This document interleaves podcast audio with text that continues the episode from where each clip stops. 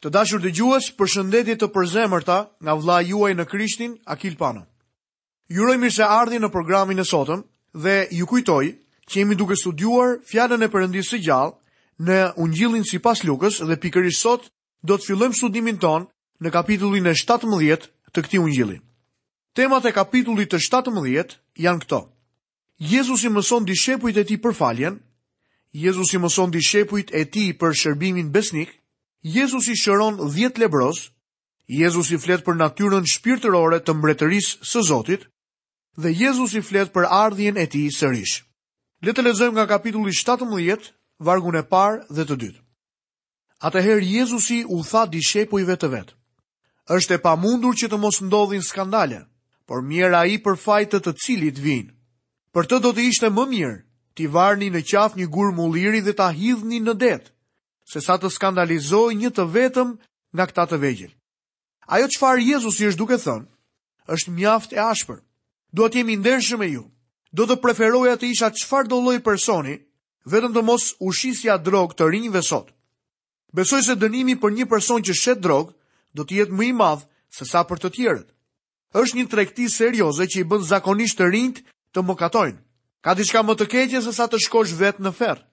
Të shkosh vetë në ferr dhe të kesh me vete një djalë ose një vajzë që të thotë: "Babi, unë jam këtu sepse të ndoqa ty."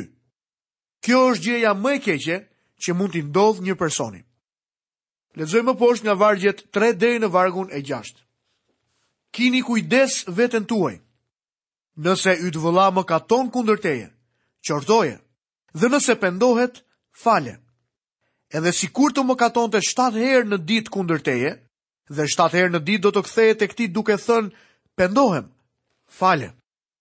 Atëherë apostujt i thanë Zotit, na e shto besimin, dhe Zoti tha, po të kishit besim sa një kokërr sinapi, do të mund t'i thonit këtij mani, shkulu me gjithë rrënjë dhe mbillu në det, dhe ai do të bindej. Me fjalë të tjera, Dishepujt e tij duhet të jenë të gatshëm të falin në çdo kohë. Ai nuk thotë që personi që mëkaton nuk duhet të qortohet. Ai duhet të kuptojë gabimin e tij, por kur pendohet sinqerisht, duhet falur edhe pse i përsërit mëkatet e tij herë pas here. Le të shohim më poshtë Jezusin, i cili mëson dishepujt e tij për shërbimin besnik. Ndonjëherë Zoti Jezus duket se është i ashpër. Ka njerëz që flasin për Jezusin e butë, por nëse do të lexoni këto pasazhe, do të shikoni se ai nuk ishte gjithmonë i tillë.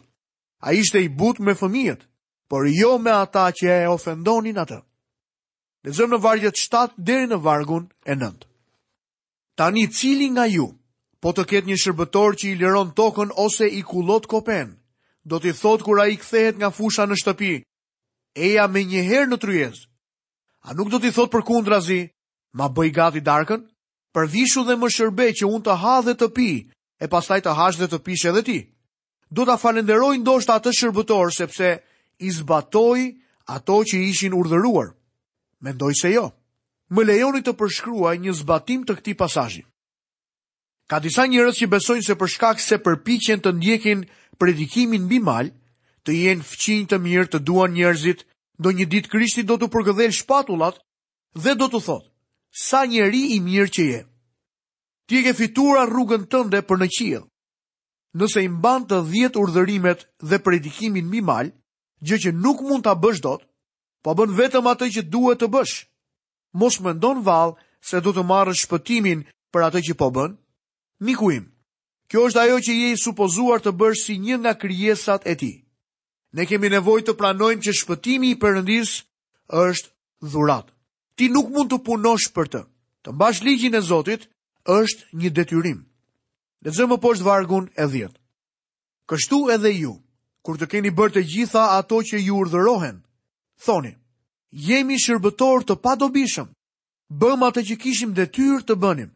Le të vështrojmë më poshtë Zotin Jezus i cili shëron 10 lebrozë, një samaritan kthehet për ta falënderuar. Lexojmë në kapitullin e 17 të Ungjillit sipas Lukës, vargjet 12 deri në vargun e 16. Dhe kur po hynte në një fshat, i dolën përpara dhjetë lebrozë të cilët ndaluan larg. Dhe duke ngritur zërin thanë: Mjeshtër Jezus, ki mëshirë për ne! Dhe ai si i pa u tha atyre: Shkoni dhe paraqituni tek priftërinjtë. Dhe ndodhi që ndërsa ata po shkonin, u pastruan. Dhe një nga ata, si e pa se u shërua, u kthye mbrapa dhe përlëvdonte Perëndinë me zë të lartë. dhe ra përmbys me fytyrë përtokë te këmbët e Jezusit, duke e falënderuar. Ky ishte një samaritan. Lexojmë më poshtë vargjet 17 deri në vargun e 19 dhe do të shohim se si farisenjtë do të stepen dhe do të shtangen menjëherë. Jezusi atëherë filloi të thotë: A nuk u shëruan që të dhjetët? Ku janë nëntë të tjerët? A nuk u gjet asnjë që të kthehet për të dhënë lavdi Perëndisë, përveçse këtij të huaji? Dhe i tha atij: Çohu dhe shko, besimi yt të shëroi. Zoti Jezus shëroi dhjetë të lebrosur. Por vetëm njëri nga të dhjetët, i cili ishte samaritan, u kthye për ta falënderuar për atë që Zoti bëri. Atëherë Jezusi bëri një gjë të dytë për të. I fali mëkatet.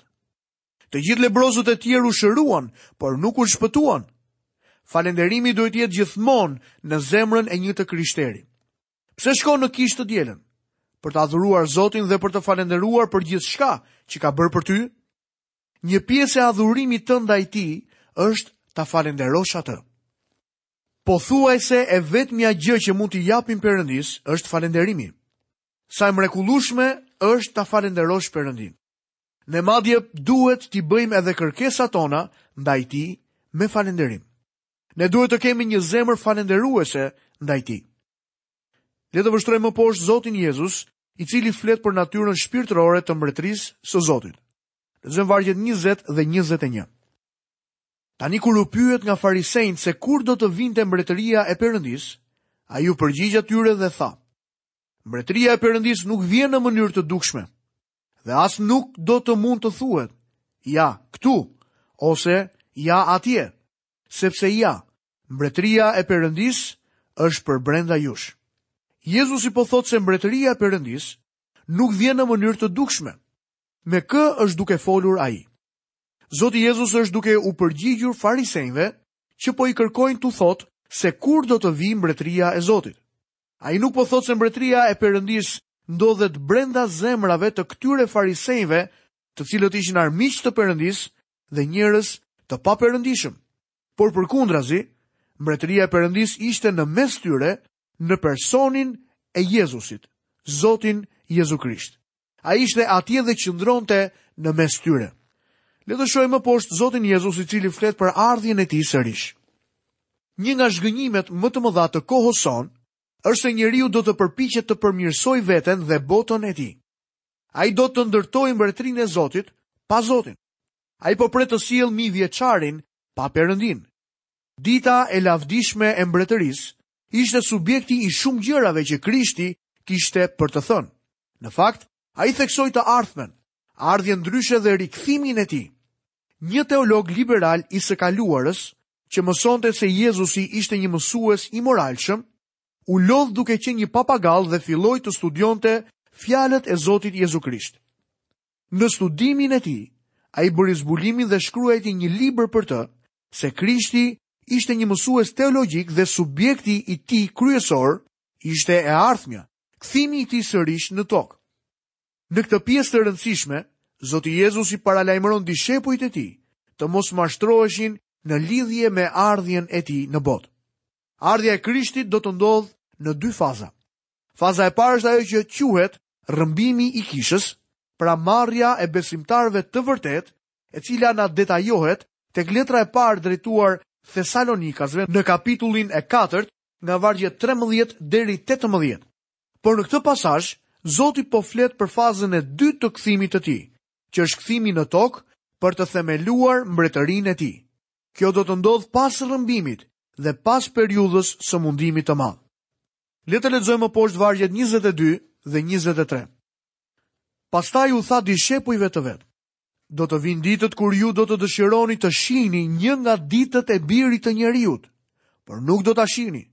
Dhe do t'ju thonë, ja është këtu, ose ja është atje, por ju mos shkoni dhe mos i ndiqni.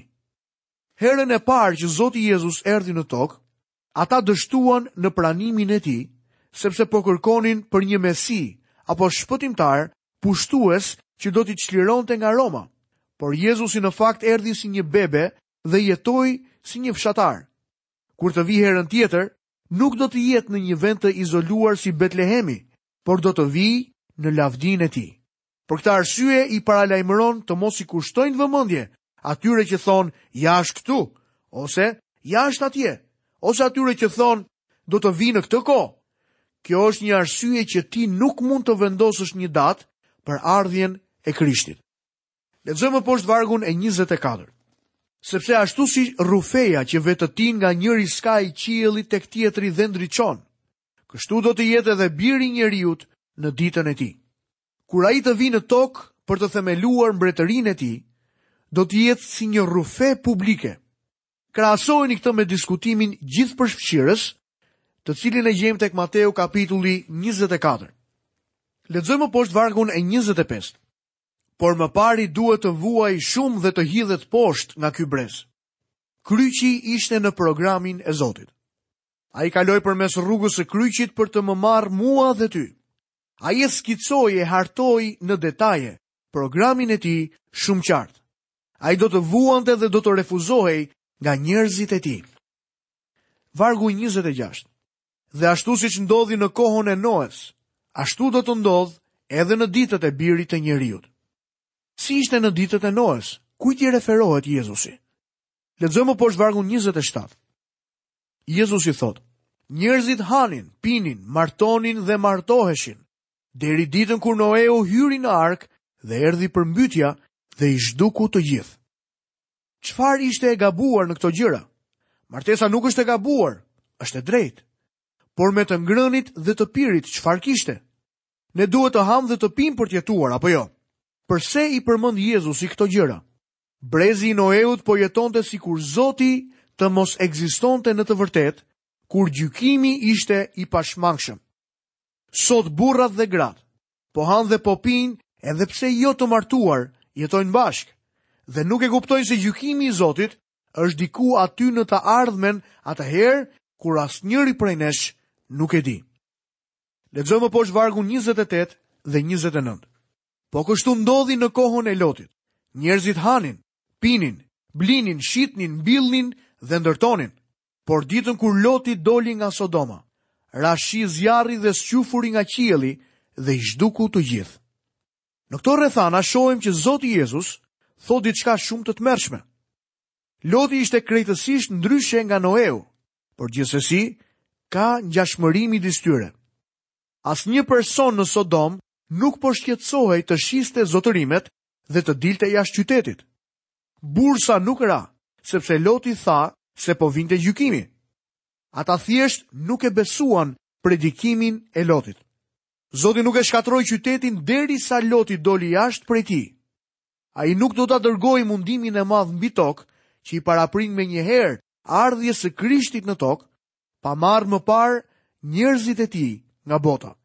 Është interesant fakti që Zoti Jezus përdor Lotin si shembull, gjë që nuk e bën tek predikimi në mal tek Mateu kapitulli 24. Arsyeja është se tek Ungjilli sipas Mateut, Jezusi po i përgjigjet pyetjes së tyre për ardhjen e tij në tokë dhe themelimin e mbretërisë. Ndërkohë që këtu, tek Ungjilli sipas Lukës, subjekti është më i gjerë. Sodoma për shkak të mëkatit të saj qëndroi në anë të shkatërrimit dhe në momentin që Loti la qytetin, gjykimi ra. Besoj se në minutën që besimtarët do të lënë këtë tokë kur të rrëmbehen, atëherë do të fillojë mundimi i madh. Lexojmë vargun e 30.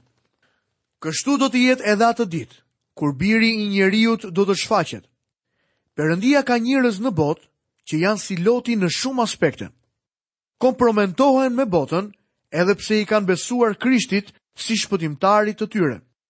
Si besimtarë ata do të nxirren jashtë nga bota Përpara se të vijë dita e gjykimit. Sot bota nuk e dëgjon kishën, njëlloj si në ditën e Lotit. Lexojmë më poshtë vargun e 31. Në atë ditë, ai që ndodhet mbi çatinë e shtëpisë të mos zbresë në shtëpi për të marrë gjërat e tij. E po kështu, ai që ndodhet në ara, të mos kthehet prapa. Në rrëfimin e Mateut, tek predikimi në mal, Zoti Jezus e quan këtë periudhë periudhën e mundimit të madh. Le të shohim menjëherë vargun e 32. Jezusi tha, kujtoni gruan e Lotit. Në fakt ajo është shembulli i një personi që nuk i besoi Perëndisë nga zemra e saj. Ajo kishte vajzat dhe miqtë e saj në Sodom. Me siguri ata po festonin atë pasdite. Ajo vazhdonte të thoshte: Le të kthehemi mbrapa. Pse e ktheu kokën mbrapa gruaja e Lotit, ndërsa së bashku me Lotin dhe bijat e saj, porsi një familje, ishin duke udhëtuar në pelegrinazhin e tyre përtej shkatërrimit. Ajo nuk besonte se Zoti do ta shkatërronte atë qytet. Për këtë arsye, duhet të kujtojmë gruan e Lotit.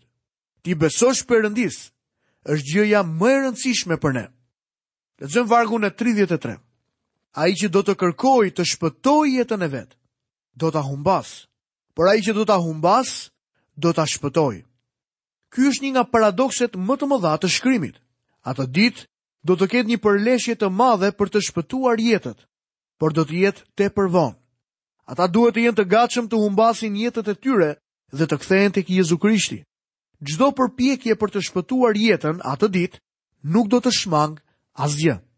Le të vështrojmë më poshtë vargjet 34 deri në vargun e 36. Unë po ju them, atë natë dy veta do të jenë në një shtrat, njëri do të merret dhe tjetri do të lihet.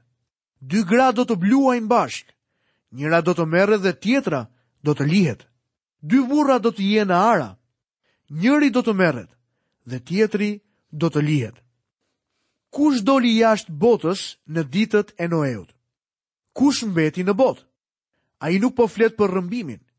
Këtu njëlloj si tek predikimi në mal, të cilin e gjejmë tek Mateu 24, ai po i referohet direkt largimit të njerëzve jo të perëndishëm në gjykim dhe lënia në tokë e atyre që do të hyjnë në mbretërinë e mijëvjeçarit. Vini re që Zoti Jezu Krisht e nënkupton që toka është e rrumbullakët. Njëri do të jetë në krevat dhe tjetri duke punuar në fusha. Do të jetë natë në një anë të tokës dhe ditë në anën tjetër. Lexojmë vargun 37. Atëherë dishepujt u përgjigjën dhe thanë, Ku o Zot? Dhe Ai u tha atyre, Ku të jetë trupi, atje do të mblidhen edhe shqiponjat. Krahasoni këtë varg me vargun tek zbulesa kapitulli 19 dhe vargu i 17. Kjo është ajo që quhet beteja e Armagedonit, që faktikisht është lufta e Armagedonit që do të mbarojë me ardhjen e Krishtit për të themeluar mbretërinë e tij mbi tokë. Të dashur miq, Këtu kemi mbërritur në fundin e minutave të emisionit të sotëm. Lavdëroj Perëndinë, i cili është duke pregatitur ardhjen e Zotit Jezu Krisht për herën e tij të dytë, jo më për të ardhur si një qingj i cili u ther dy mijë vjet më parë për të paguar mëkatin tim dhe mëkatin tënd, për të na çliruar nga mallkimi i ligjit, për të na dhënë jetën në vend të vdekjes që ne meritonim. Por Zoti Jezus këtë radhë do të vijë si mbreti mbi mbretërit dhe zoti mbi zotërit, i rrethuar nga ushtritë e mijëra engjëjve, për t'u takuar me kishën e tij lart në qiell. Jam kaq i emocionuar, ndërsa mendoj ardhjen e Zotit Jezus se si ajo në të vërtetë do të jetë.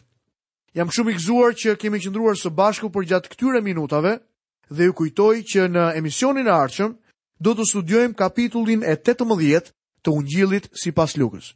Deri atëherë, nga vëllai juaj në Krishtin Akil Pano, Perëndia ju bekoftë dhe derdhtë paqen e tij me bollëk në jetën tuaj.